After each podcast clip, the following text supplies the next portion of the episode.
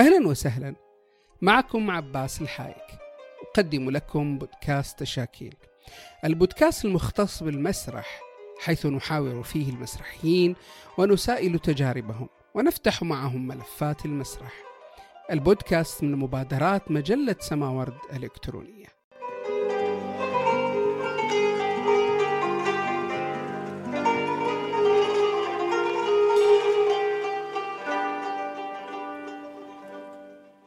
في الموسم الثالث من بودكاست تشاكيل مسرحية. حلقات مختلفة حيث سنركز على الموضوعات المسرحية ونضيء على تجارب مسرحية مبدعة ومميزة.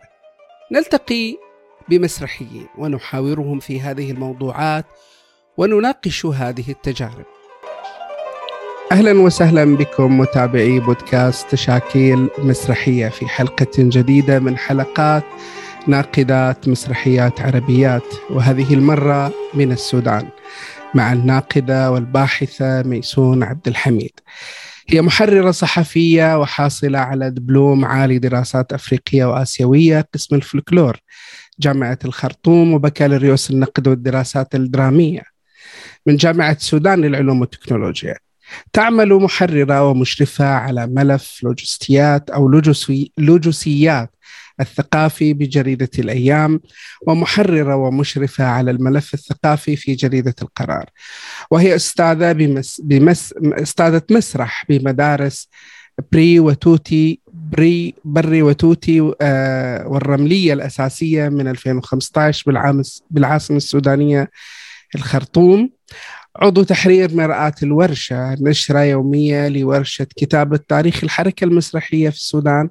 شاركت بالعديد من البحوث والدراسات في عدد من الملتقيات وحصلت على عدد من الجوائز مثل جائزة الهيئة العربية للبحث المسرحي للشباب دون سن 35 لعام 2019 وجائزة الدكتور يوسف عيدابي للبحث المسرحي 2018 وجائزة النقد التطبيقي مهرجان البقعة الوطني 2010 نشرت عدد من المقالات في الصحف السودانية مثل الأيام أجراس الحرية الصحافة الخرطوم الجريدة القرار ومجلة المنظرة مجلة متخصصة في المسرح وصدر لها كتاب تجارب ما بعد الحداثة في المسرح السوداني صادر عن جائزة يوسف عيدابي الدورة الثانية للعام 2018 أهلا وسهلا أستاذ ميسون.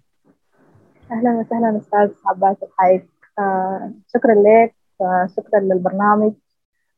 لاهتمامه بقضايا النساء أو تخصيص الحلقات للناقدات العربيات نعم. أنا سعيدة جدا أكون معك في الحلقة دي. وأنا أسعد. آه يعني أنا سؤالي الأول حول آه الدافع. لماذا يعني تخصصت في النقد المسرحي؟ ما المغري في يعني دراسة النقد المسرحي بالنسبة لميسون عبد الحميد؟ النقد المسرحي بالنسبة لي إنه أنا يعني دراسة محفزة يعني بتساعد على تفعيل العقل المفكر العقل الناقد فكان يعني أهم مدخل للدراسة والتحليل هو النقد نعم. فكان بالنسبة لي بيجاوب على كل الأسئلة بتاعتي الخاصة سواء كانت الأسئلة البسيطة الوجودية البسيطة بتاعت من أنا من أكون من نعم. الأسئلة يعني. نعم. آه يعني هل هناك منطلق آه كونك امرأة أن تتخصصي في النقد والنقد المسرحي بالتحديد؟ يعني هل هناك خصوصية للمرأة في يعني بالنسبة لميسون عبد الحميد أن تتخصص في المسرح وتتجه له؟ أيوة التخصص في النقد المسرحي آه، بالنسبة لي إنه كان يعني مشروع. آه، مشروع ككاتب يعني أو مشروع كاتبة. آه، يعني النقد هو بسهل لي العمليات بتاعت التحليل بتاعت الدراسات دراسات المقارنة. آه، فكون إنه أنا أختار التخصص ده وأمشي له و- و- وأكون من خلاله آه، فبختصر لي كثير من الحاجات. صار إنه المنهج صار إنه الدراسات النقدية هنا هي عندها مناهج آه، بتعلم الناقد كيف يكتب آه كيف تكتب مقالة كيف تكتب كتاب كيف تكتب بحث كيف اللي هي دي البيزك بتاعت الكتابة. نعم. آه طالما إنه أنا كنت يعني في في أسئلتي الخاصة إن أنا أكون مشروع كاتب آه فخلي مشروع النقد هو آه هو هو طريقة بيوصلني للحاجة دي يعني. آه، هل هناك مواصفات آه، معينة يفترض بالناقد أن يمتلكها أو بالذات الناقد المسرحي؟ بالضرورة يعني العملية النقدية ما عملية سهلة.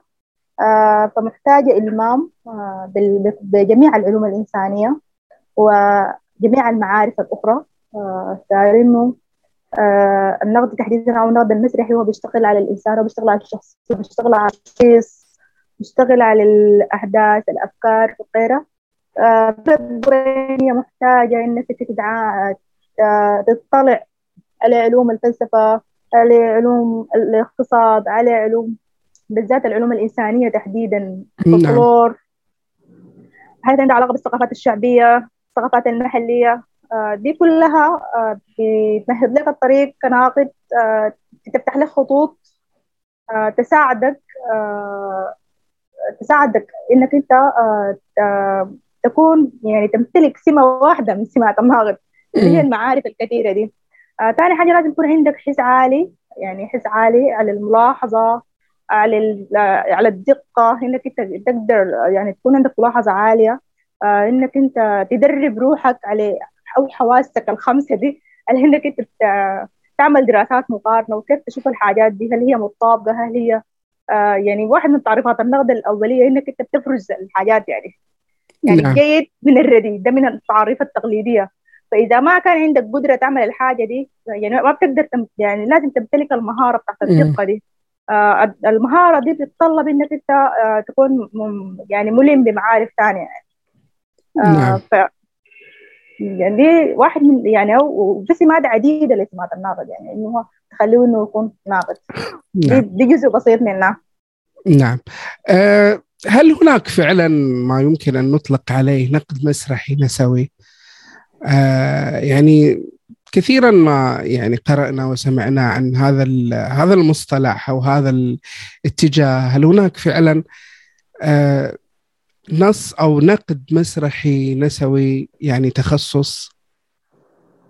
آه طيب آه، مفهوم النقد النسوي هو في جدل حول الحاجة دي ذاتها يعني يعني كلمة نسوي ذاتها أو النقد النسوي آه يعني مثلا نقد بيهتم بالقضايا يعني قطع يعني مثلا لازم أول حاجة نحن نفرق بين الحاجتين دي. النقد يعني إنه هو بيتعامل مع قضايا النساء النقد اللي بيتعامل مع قضايا النساء بس ولا النقد اللي هو بيتعامل اللي هو آه، بتكتبه امرأة لكن بيتعامل مع قضايا النساء. يعني دي دي حاجتين.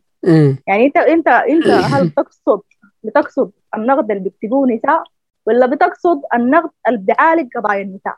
الذي يعالج قضايا النساء النسوي.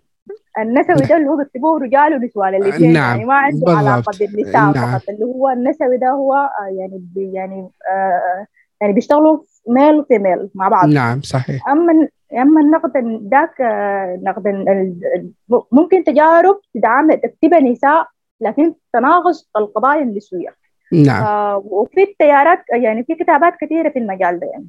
نعم. آه إذا كانت من الجانبين إذا كان في نساء بيهتموا بالقضايا النسويه وفي نسويين يعني اللي هو آه يعني ممكن يكونوا الرجال بيهتموا بالقضايا النسويه نعم.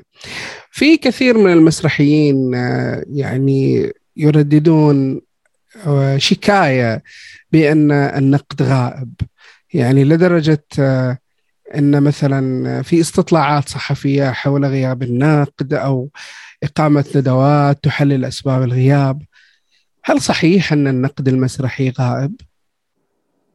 آه ما بتفق مع الكلام ده يعني حتى لو كان يعني التجارب العملية بتأكد إنه آه وظيفة النقد ذاتها هي متحولة يعني. من من كل مرحلة لمرحلة ثانية يعني.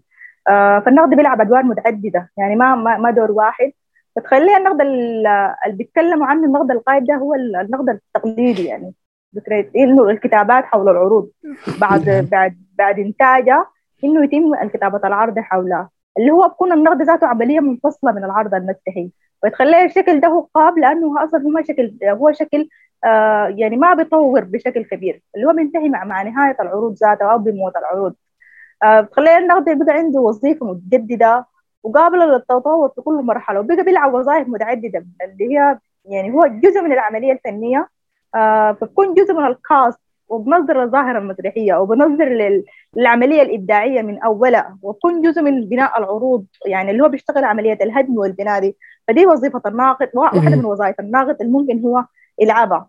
آه عمليا يعني تخلي الكلام ده ما يعني ما, ما حقيقي لأنه الكتابات النقدية في الفترات الأخيرة يعني لو لو دست على جوجل بتلقى الكتابات النقدية أكثر من العروض.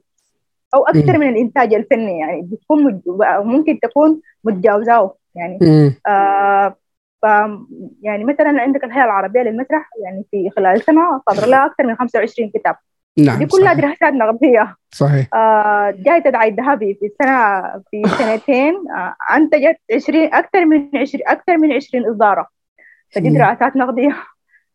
فشنو؟ فهنا فبكون شنو الكلام ده ما عملي يعني. نعم إنه إنه في في في هنا في آه يعني خلال العشر سنوات الأخيرة دي آه في أكثر من أكثر من يعني قرابه ال 50 اصدار نقديه في السودان تحديدا على النقد آه. كيف ترين يعني كتب نقدية لدراسات نعم كيف ترين المشهد النقدي المسرحي بالتحديد في السودان؟ يعني هل هناك توجه من جيل جديد لهذا هذا الاتجاه أو لهذا التخصص النقد المسرحي؟ آه الجيل الجديد يعني جيلي أنا والأجيال اللي بعدينا آه تخلي حصلت آه يعني حصلت حصل حصلت نقلة في النقد وفي جيل متصاعد يعني في كتابات متقدمة جدا حول حول حول الظاهرة المسرحية حول الكتابة المسرحية مثلا على الثلاث سنوات الأخيرة يعني من من 2018 لحد الآن آه السودان اخذ ثلاث جوائز آه آه للنقاد العرب. اللي هي نعم. جائزة للشباب دون سن ال 35 آه دي دي بتأكد إنه إنه في جيل جديد في جيل متحرك يعني تجاه تجاه النقد تجاه الظاهرة النقدية بشكل عام. يعني أو الظاهرة النقدية في الوطن العربي. يعني. نعم. آه يعني الملاحظ في الكتابات النقدية أو المقاربات النقدية المسرحية أن دائما أن يعني ما تنشغل بالنص آه وهي أقرب إلى النقد الأدبي آه بينما تغفل الكثير منها عن الظاهرة المسرحية بعمومها. آه ألا ترين أن من الضروري أن نفصل النقد المسرحي عن النقد الأدبي؟ يعني أن يهتم النص النقد المسرحي أكثر بتفاصيل العرض الأخرى أكثر من اهتمام ما يقارب ثلثين المقاربة النقدية بالنص. آه يعني بتفق معك لحد كبير. في جزء كبير من العملية النقدية بيهتم بالنص. آه وفي جزء تاني بيهتم بعملية العرض.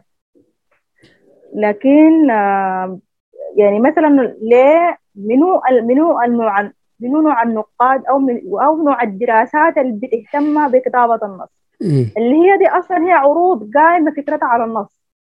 فلما لما يكون العرض فكرته قائمة على النص أنا كناقد ما بقدر أتجاوز النص ده ككتابة وبالضرورة أشتغل على النص الأدبي. لأنه هنا شنو؟ يعني المدخل بتاع الكاتب أو بتاع المخرج إنه هو معتمد عايز يجرب على الكتابة النصية مثلا أو عايز يشتغل على النص. فهنا أنا كناقد ما عندي خيار غير إنه أنا أشتغل على النص الأدبي. أشتغل على النص الأدبي لكن بالضرورة إنه ما اغفل الجوانب الثانية اللي عندها علاقة بالصورة المشهدية بالعرض بالحاجات الثانية. آه طيب منو ذاته من ياتو نوع من العروض أو ياتي نوع من العروض اللي هي بتعتمد على النص الفني. دي العروض الكلاسيكية أو العروض اللي بتعتمد على نصوص يعني نصوص ذات تراث محتمل زي نصوص شكسبير مثلا. نعم. آه يعني زي نصوص شكسبير أو نصوص آه هنري آه إبسون مثلا اللي هي دي نصوص قاعد يعيد إنتاجها. يعني يعني بشكل مستمر. يعني مثلا زي بيت الدمية الملك لير يعني هاملت اللي هي دي عروض.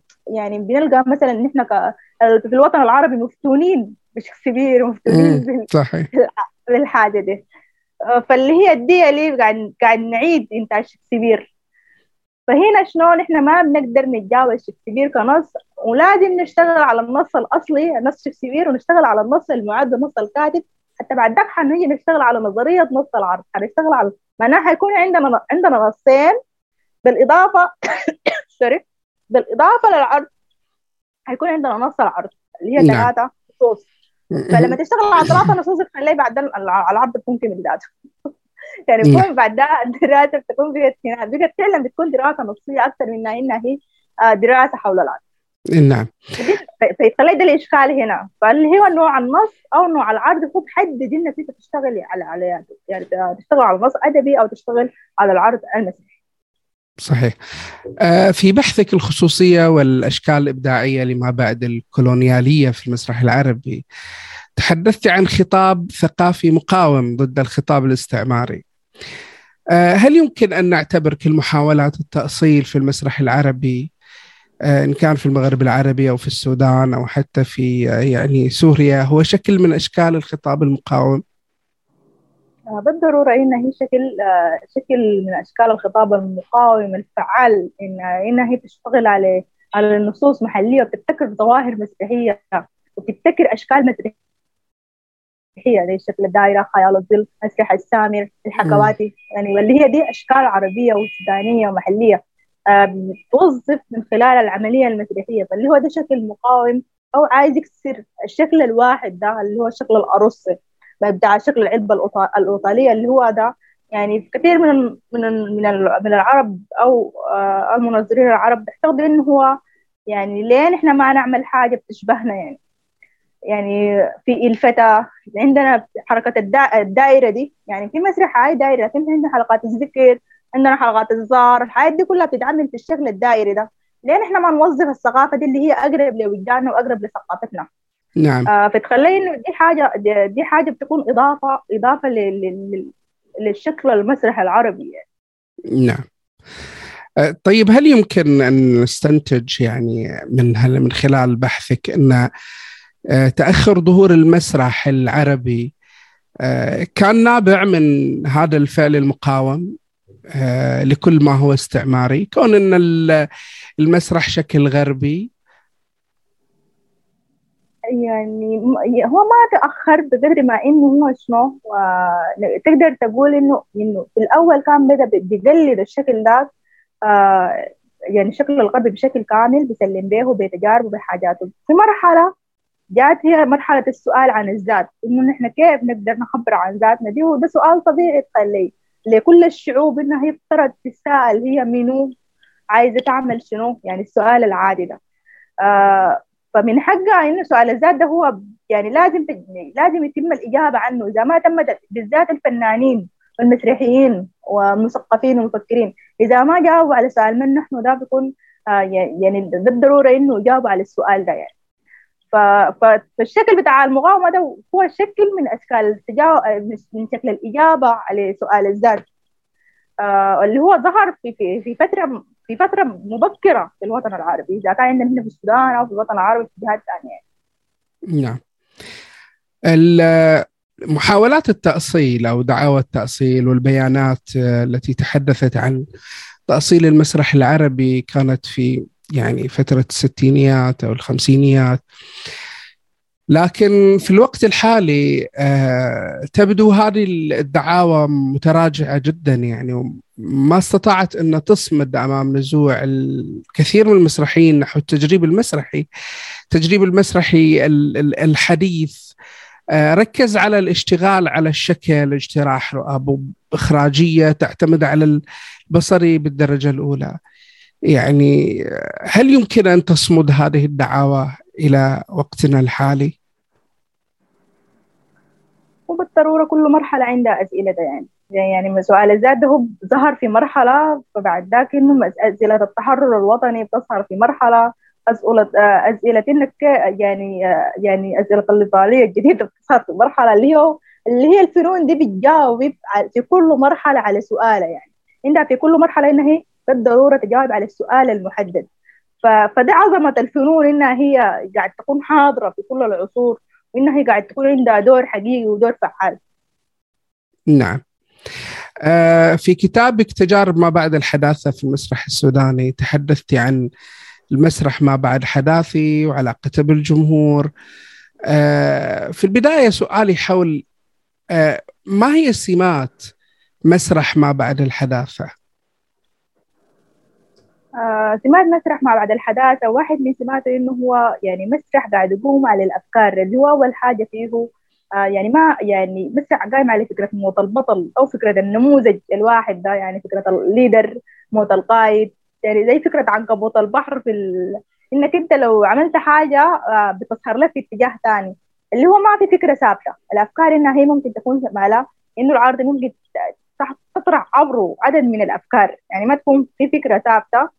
آه بالاضافه انه يكون فيه تجريب يكون فيه تجريب حتى على مستوى آه، بيعتمد بشكل أساسي على الصورة مسرح ما بعد الحداثة نعم. آه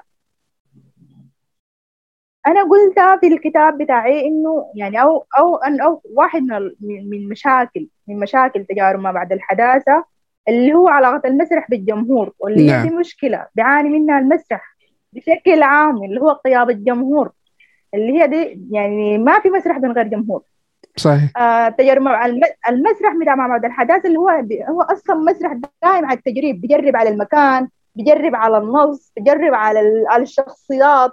فكرة التجريب دي اللي هي فكرة ما تقليدية.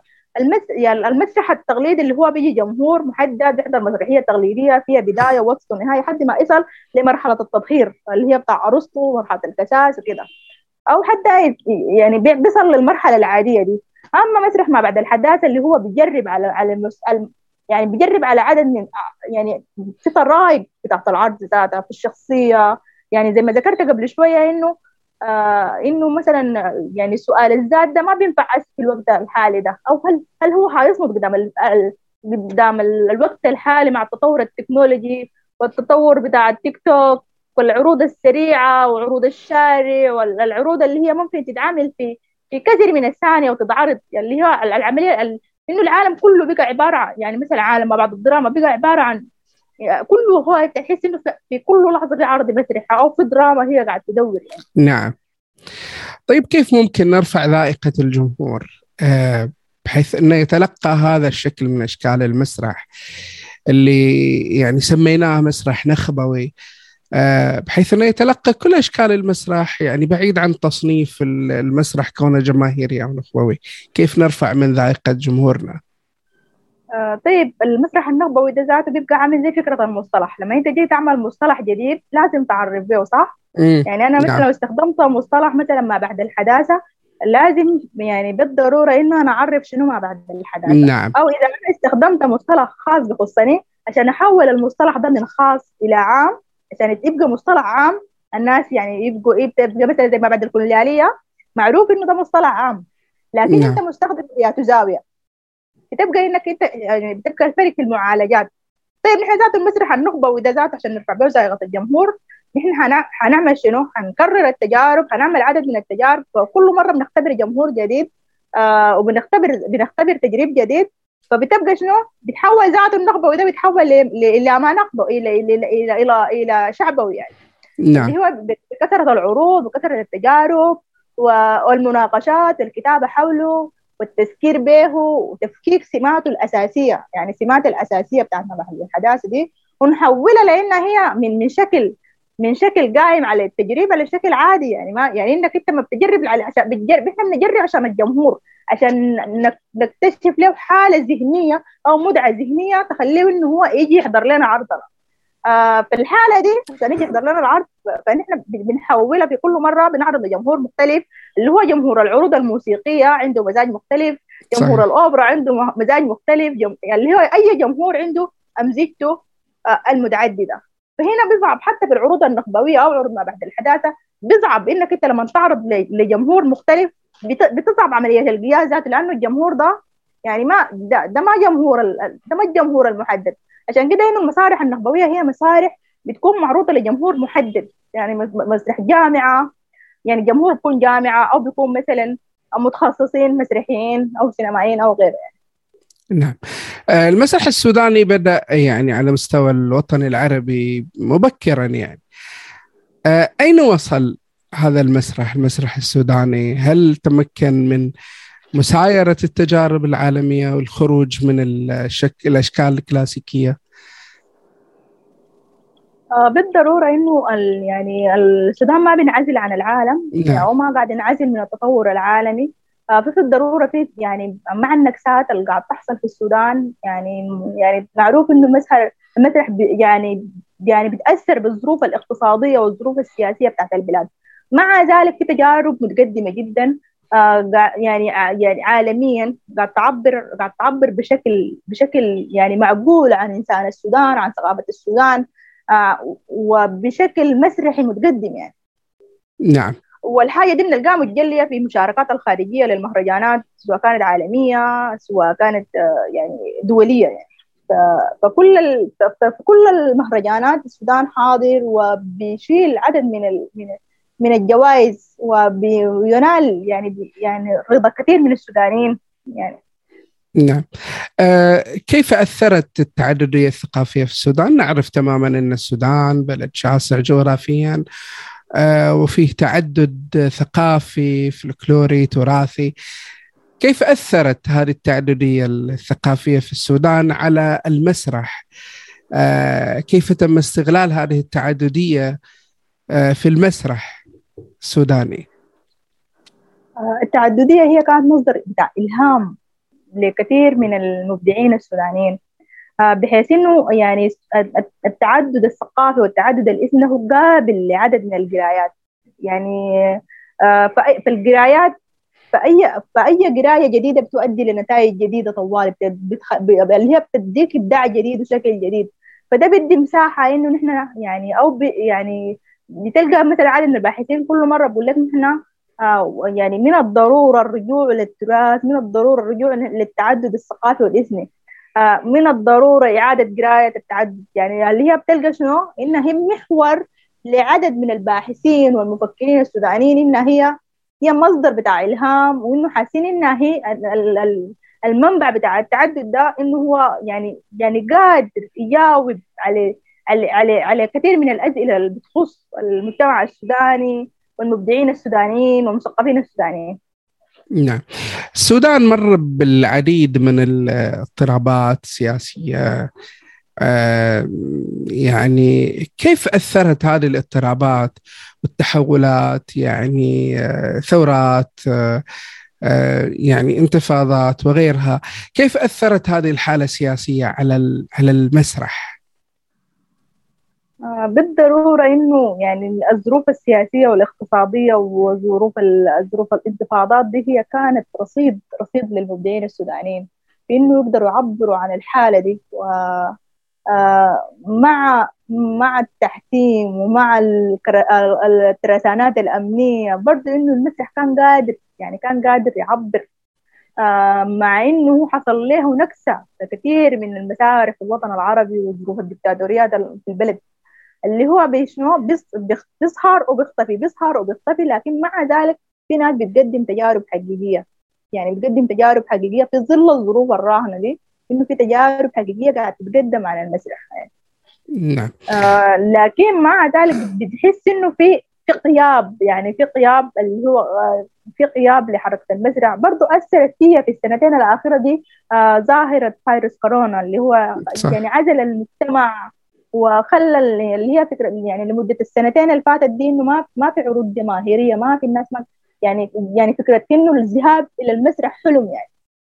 نعم. آه يعني الناس بقت فكرة التوجس من من العمل الجماهيري وغيره يعني. دي دي كلها الظروف دي أثرت في إنه مثلا ما تكون في حركة مسرح في الفترة الأخيرة. نعم. آه يعني أنت ذكرتي آه فترة كورونا. يعني خلال فترة كورونا ظهرت كثير من الأشكال شبه المسرحية يعني. هناك تجربة مسرح افتراضي هناك أيضا المهرجانات المسرحية. قدمت عروض أنتجت في داخل غرف آه، باسم المسرح. كيف ترين هذه التجارب؟ هل يمكن فعلا أن نصنفها كمسرح؟ آه، اللي هي دي تحايل أو شكل بديل لأشكال المسرح. إنه هو دي إنه يعني نحن كمسرحيين عايزين نكون حتى في الظروف دي لكن العلاقة اللي قاعد تميز المسرح ما يميز المسرح العلاقة الحية اللي بينه وبين الجمهور دي. نعم. يعني اللي, اللي هو التواصل ما بيننا وبين الجمهور. فأي فأي شكل تاني بيبقى إنه هو شنو؟ يعني آه يعني ممكن ممكن نصنف في إطار إنه يعني أشبه بالسينما ما أشبه بالمسرح. يعني أنا نعم. ممكن في الغرفة ده أنا بعد شوية ما ما ما أكون متواصل مع العرض ده لحد النهاية. لكن إنه هو في النهاية بتبقى حيلة يعني يعني, يعني إنه الناس تستغل بها عروض مسرحية نعم. لكن ده ما مسرح. يعني بكل تأكيد يمكن يمكن نصنفه ما مسرح يعني. ما مسرح بالشروط بتاعت بتاعت المسرح التقليدية دي أو ال- أو ما. العظمه بتاعت الجمهور اللي بصفقات بعد نهاية العرض ويحضنك بعد نهاية يعني كده. يعني حتى في في بعض التجارب إن عروض مسرحية قد لا يتوجه يعني الممثلين ما يتواجدوا في نفس المكان يعني. يعني أنا شفت عرض سميت يعني تحت عنوان المسرح الافتراضي. كان كل ممثل في في غرفته. أيوه أيوه. بعيدين عن بعض يعني كانت تربطهم فقط شبكة الإنترنت. يعني هو هو ده تنظير في اتجاه إنه مثلا هل هل ممكن يعني ده هل بيهدد الوجود الفعلي الحقيقي للمسرح؟ يعني ظواهر زي دي يعني ممكن بعد عشرة سنة يكون ما في مسرح. هل بتقدر عروض زي دي إنها يعني يعني تقلل من وجود المسرح الحقيقي يعني مثلا؟ هي مجرد بدائل يعني أنا يعني بمجرد أن تنتهي الجائحة يعني تنتهي ظروف الجائحة الناس ستعود للمسرح إلى الخشبة مرة أخرى. يعني هذه العروض لم يعني أنا لا يعني شخصيا لا أرى إنها يعني تشكل تهديدا لأنها انتهت بمجرد انتهاء الجائحة وعاد الناس إلى خشبة المسرح أيوه. فما يميز المسرح أو عظمة المسرح في ال- في العلاقة الحية بين بيننا وبين الجمهور يعني نعم. آه يعني في المسرح السوداني هل يعني المسرح يعني استطاع انه يكون صوت للإنسان السوداني؟ هل آه، يعني هل كان شكل من اشكال التمرد ضد الأوضاع ضد الأوضاع السياسية والاجتماعية؟ وهل كان فعلا صوت حقيقي للمرأة السودانية؟ آه، بكل تأكيد إنه يعني بشكل كبير إنه المسرح يعني ساهم يعني مثلا ساهم في نشر كثير من الثقافات يعني المسرح في السودان عندنا بدأ تعليمي يعني بدأ نعم. تعليمي اللي هو كان يعني يعني أشبه ب يعني دوره الأساسي إنه نشأ في في معهد بخت الرضا اللي هو عنده دور دور مهم ودور عظيم على الشخصية السودانية وعلى وفي حياتها وفي فعاليتها يعني. وساهم في تعليم البنات. يعني مم. مثلا في دعوة بابك البدري اللي هو دي أول إشارات لكتابات مسرحية اللي هو بابك البدري رائد التعليم النساء في السودان تخليه إنه هو دي دي حاجة عظيمة شديد إنه هو ساهم في المسألة دي. نعم. الكتاب السودانيين آه، ناقشوا قضايا النساء كتار جدا. يعني أو أغلب المسرحيات إنها هي كانت كانت النساء محور لها إذا كان يعني إذا كانت ما هي البطلة هي محركة للأحداث الأساسية في عدد من المسرحيات. في محمد نعم. ملا عبد القادر آه، في آه، عادل إبراهيم محمد خير وعبد الله علي إبراهيم مسرحية آه، سكة حديد قربت المسافات وفي عدد من المسرحيات يعني في أشهر المسرحيات الكلاسيكية خطوب السهير آه عجوب الخرب السوبة وغيرها من المسرحيات اللي هي الكثيرة جدا اللي هي كانت محور أحداث النساء يعني. نعم. آه يعني من يقرأ آه كتابات ميسون عبد الحميد يلاحظ أنها تكتب بلغة آه قريبة من الناس يعني سهلة التداول.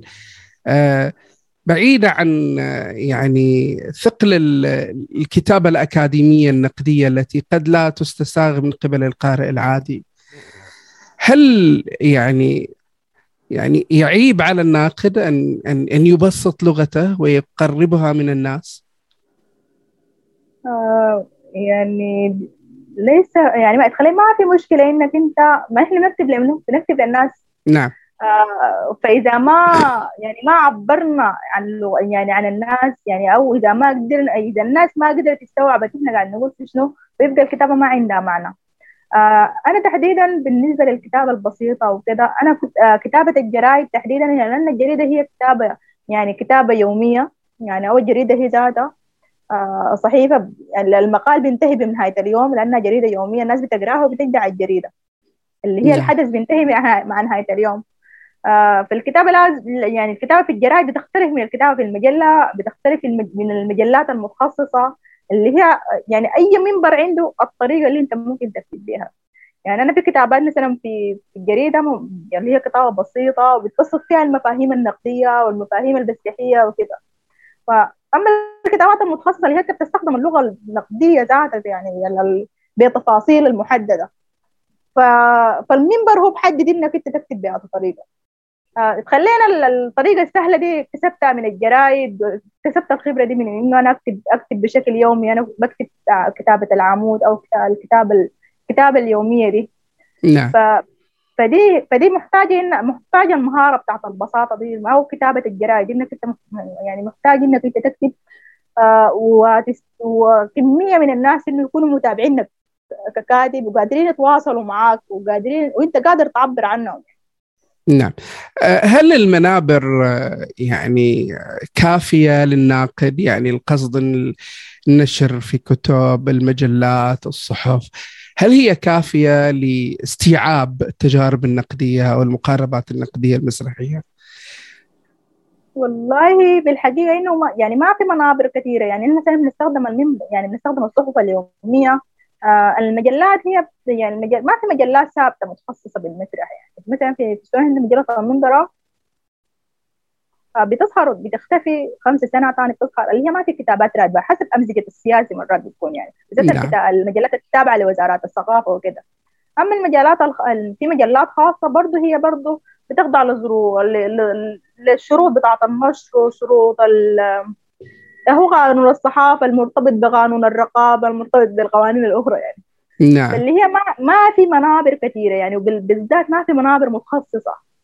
آه برضه متعلقة بالسوق إنه الورق الورق الغالي الحاجات زي دي يعني الطباعات أما نعم. مع إنه المجلات الإلكترونية سهلت على الناس لكن برضه نلاحظ إنه ما في مجلات كثيرة أو ما في منابر متخصصة في الكتابة النقدية المسرحية ما عدا القليل القليل يعني. نعم. آه، أنت حصلتي على ثلاث جوائز مهمة يعني أولها جائزة الهيئة العربية للمسرح للبحث المسرحي للشباب وجائزة الدكتور يوسف عيدابي للبحث المسرحي وجائزة النقد التطبيقي في مهرجان البقع الوطني آه، ما الذي حققت هذه الجوائز آه، لميسون عبد الحميد على مستوى مسيرتها النقدية؟ الجائزة الأولى كان أخذتها وأنا حديثة التخرج. بالنسبة لي إنها كانت جائزة محفزة أو جائزة تشجيعية يعني, أما جائزة دكتور يوسف عيدابي فإنها أعتقد إنها جائزة مهمة لأنها وثقت بتوثق للمسرح السوداني. آه، يعني في كتابات كثيرة ساقطة أو نحن ما لاقينا. يعني مثلا في المنهج بتاع كتابي استخدمت المقابلة. يعني كواحد من أدوات البحث إنه أنا اشتغلت المقابلة عشان في معلومات كثيرة إنها هي ما متوفرة. فاستخدمت يعني عملت مقابلات شخصية وبعد ذاك عملت عليها تحليل واشتغلت عليها. لما تجي أجيال بعدين حتلقى إنه في حتلقى في دوكيومنت مظبوط يعني حول الكتابات المسرحية أو حول الكتابة في السودان. فكون إنه كتاباتنا دي تكون هي ذاتها يعني بداية أو مراجع فدي حاجة فدي حاجة تخليه يعني مفرح علينا نحن في الفترة دي تحديدا. يعني. أما نعم. جائزه الهيئة العربية اللي هي برضه بتورينا أو أو بتخليك أنت واقف وين؟ إحنا كسودانيين. بنتنافس مع مجتمعات ثانية أو مع عرب ثانيين آه نحن واقفين وين؟ و في النقد وفي الكتابة وكده. نعم. فدي برضه كانت بالنسبة لي محفز كبير إن نحن يعني إنك تصنف مع النقاد العرب. يعني من ضمن الثلاثة نقاد العرب الشباب اللي هو الدون من 35 كان بالنسبة لي محافز ونقلة يعني. نقلة م. كبيرة. نعم. آه يعني في المهرجانات غالبا ما يكون هناك يعني نقد تطبيقي بعد كل عرض. يعني هذه العرف سائد في كثير من المهرجانات العربية. كيف ترين جدوى هذه الندوات؟ هل يمكن أن نطلق عليها نقد نقد حقيقي أو نقد يمكن أن يعول عليه؟ طبعا بالتراكم يعني كل فترة يعني أو كل مهرجانات إنها هي ذاتها بالتراكم بتتحول لكتب الحاجة آه وممكن تساهم يعني حتى لو بشكل لحظي. يعني تساهم في تطوير العروض وتساهم في بناء بناء العروض. وبرضه بتساهم في إنه يعني من خلالها بنقدر نعرف إنه يعني الظاهرة المسرحية دي يعني الظاهرة المسرحية في عمومها. والنقد ذاته واقف وين والكتابات واقفة وين والعروض واقفة وين وممكن ما يعني على الأقل إن الأوراق دي المباشرة دي بتساعد أو يعني بتساهم أو في إنقاذ ما يمكن إنقاذه يعني. يعني الحاجة اللي ممكن اللي هو السريعة اللي هي لأنها ممكن إحنا المهرجان الجاي ما نجي بيها يعني ثاني ما نجي بيها. إذا كان مثلا في موضوع يتعالج كثير في مشاكل في الحاجات في يعني يعني مثلا العروض اللي بتتقدم بعض العروض دي آه، دائما بنلقاها بتشتغل على الشغل. آه، آه، التقني أكثر إنه الناس والمعالجات وكده فاللي هي بتساهم في بتفتح اذهان الناس عشان يعني بتفتح اذهانهم إنه كيف يقروا العروض أو كيف يفكروا يعني كمخرجين ينتجوا عروض بشكل جديد أو شكل نعم يعني ده علاقة الناقد مع المبدع يعني في كثير من الأحيان نراها علاقة آه، قائمة على عدم الرضا من قبل المبدع. دائما المبدع يعني في خوف أو توجس من ال من ال يعني من ال من الناقد يخاف من مما يكتبه الناقد يخاف من قراءاته. لماذا هذا يعني هذه العلاقة تبنى على عدم الرضا؟ خلينا يعني ده هو ده شكل من أشكال النقد الكلاسيكي يعني إنه اللي هي العلاقة المتوترة دي إنه العرض حد ما تنتهي العملية المسرحية الناقد بيجي بيكتب بعد ذاك بشوف الريزلت بتاع بتاع الكتابة بتاعت الناقد على على المبدع خليه ده شكل تقليدي خالص أو قديم يعني النقد اتطور وبقى جزء من العملية الإبداعية. آه يعني آه إنه ها بيشتغل من الأول الناقد بيكون جزء من ال team بتاع العمل المسرحي من بداية العرض. يعني المنتج ده بتاع المسرحية اول حاجة بيعملها بيختار الناقد بعد ذاك بيختار ال staff الثاني. بيختار باقي ال staff يعني بيختار النقد اللي هو ده بيشتغل له زي فكرة إنه يعني بيشتغل معاه step by step في البناء والهدم بتاع العرض. لحد ما العرض يتكون ويطلع لشكله خارجي. بيبقى بيبقى, بيبقى قضيته ثاني مع الجمهور. اللي هو ده المتلقي المتلقي المتلقي الواعي اللي بيقوم بالعملية النقدية اللي هو بيرضى أو بيفرح بالعرض أو بيكون عنده آراء حول العرض اللي هو ده المتلقي العادي الجمهور. نعم. آه، هل تواجه هناك كذا؟ المرأة عقبات آه، أو تحديات في مسيرتها النقدية؟ بالنسبة بالنسبة لشخصية يعني آه، بالنسبة لك يعني خلال تجربتك. النقد طبعا يعني عملية شاقة وما عملية سهلة وإذا كانوا نساء أو رجال هم قاعد يواجهوا تحديات. يعني قاعد يواجهوا تحديات حقيقية. اعتبار إنه النقد ده هو مسؤولية في الأول يعني يعني هو يعني مسؤولية أخلاقية. تجاه الإبداع تجاه الكتابة تجاه تجاه أي أفكار إنها هي ممكن تظهر في أي وقت يعني. آه فتخليه قاعد نواجه بعدد من الحاجات دي في ظل يعني في ظل التطور العالمي تطور المعرفة تسارع الحاجات. يعني فالحاجة دي هي آه، يعني بالنسبة لنا تحدي في إننا إحنا محتاجين دي لنعمل أبديت لمعارفنا ولأفكارنا وكده. نعم. آه ما هو جديد آه، ميسون عبد الحميد؟ بعمل في عدد من المشاريع عندها علاقة بالكتابة المسرحية وعدد يعني شغالة على مشروع برضو امتداد لمشروع مشاريعي البحثية شغالة حاجة عن عندها علاقة ب... عن تمثلات المرأة في أدب الطيب صالح اللي هو نعم. شغالة على النسوية وما بعد الاستعمار نعم. مركزة بشكل أساسي على على موسم الهجرة للشمال باعتبار أنها هي مصنفة من الأدب ما بعد الكولونيالي نعم جميل جدا. يعني أنا سعيد آه، بهذه الحلقة سعيد باستضافتك أستاذ ميسون وسعيد بهذا الثراء التي الذي قدمته لحلقتنا من حلقات بودكاست تشاكيل شكرا لك شكرا لك. شكرا كثير. شكرا لك. إلى اللقاء. إلى اللقاء. البودكاست من إعداد وتقديم عباس الحايك يمكن الاستماع للبودكاست عبر ال iTunes وال SoundCloud و Google Podcast ويمكن أيضا مشاهدة الحلقات عبر اليوتيوب على قناة تشاكيل مسرحية وزيارة الموقع تشاكيل كاست دوت سماورد دوت نت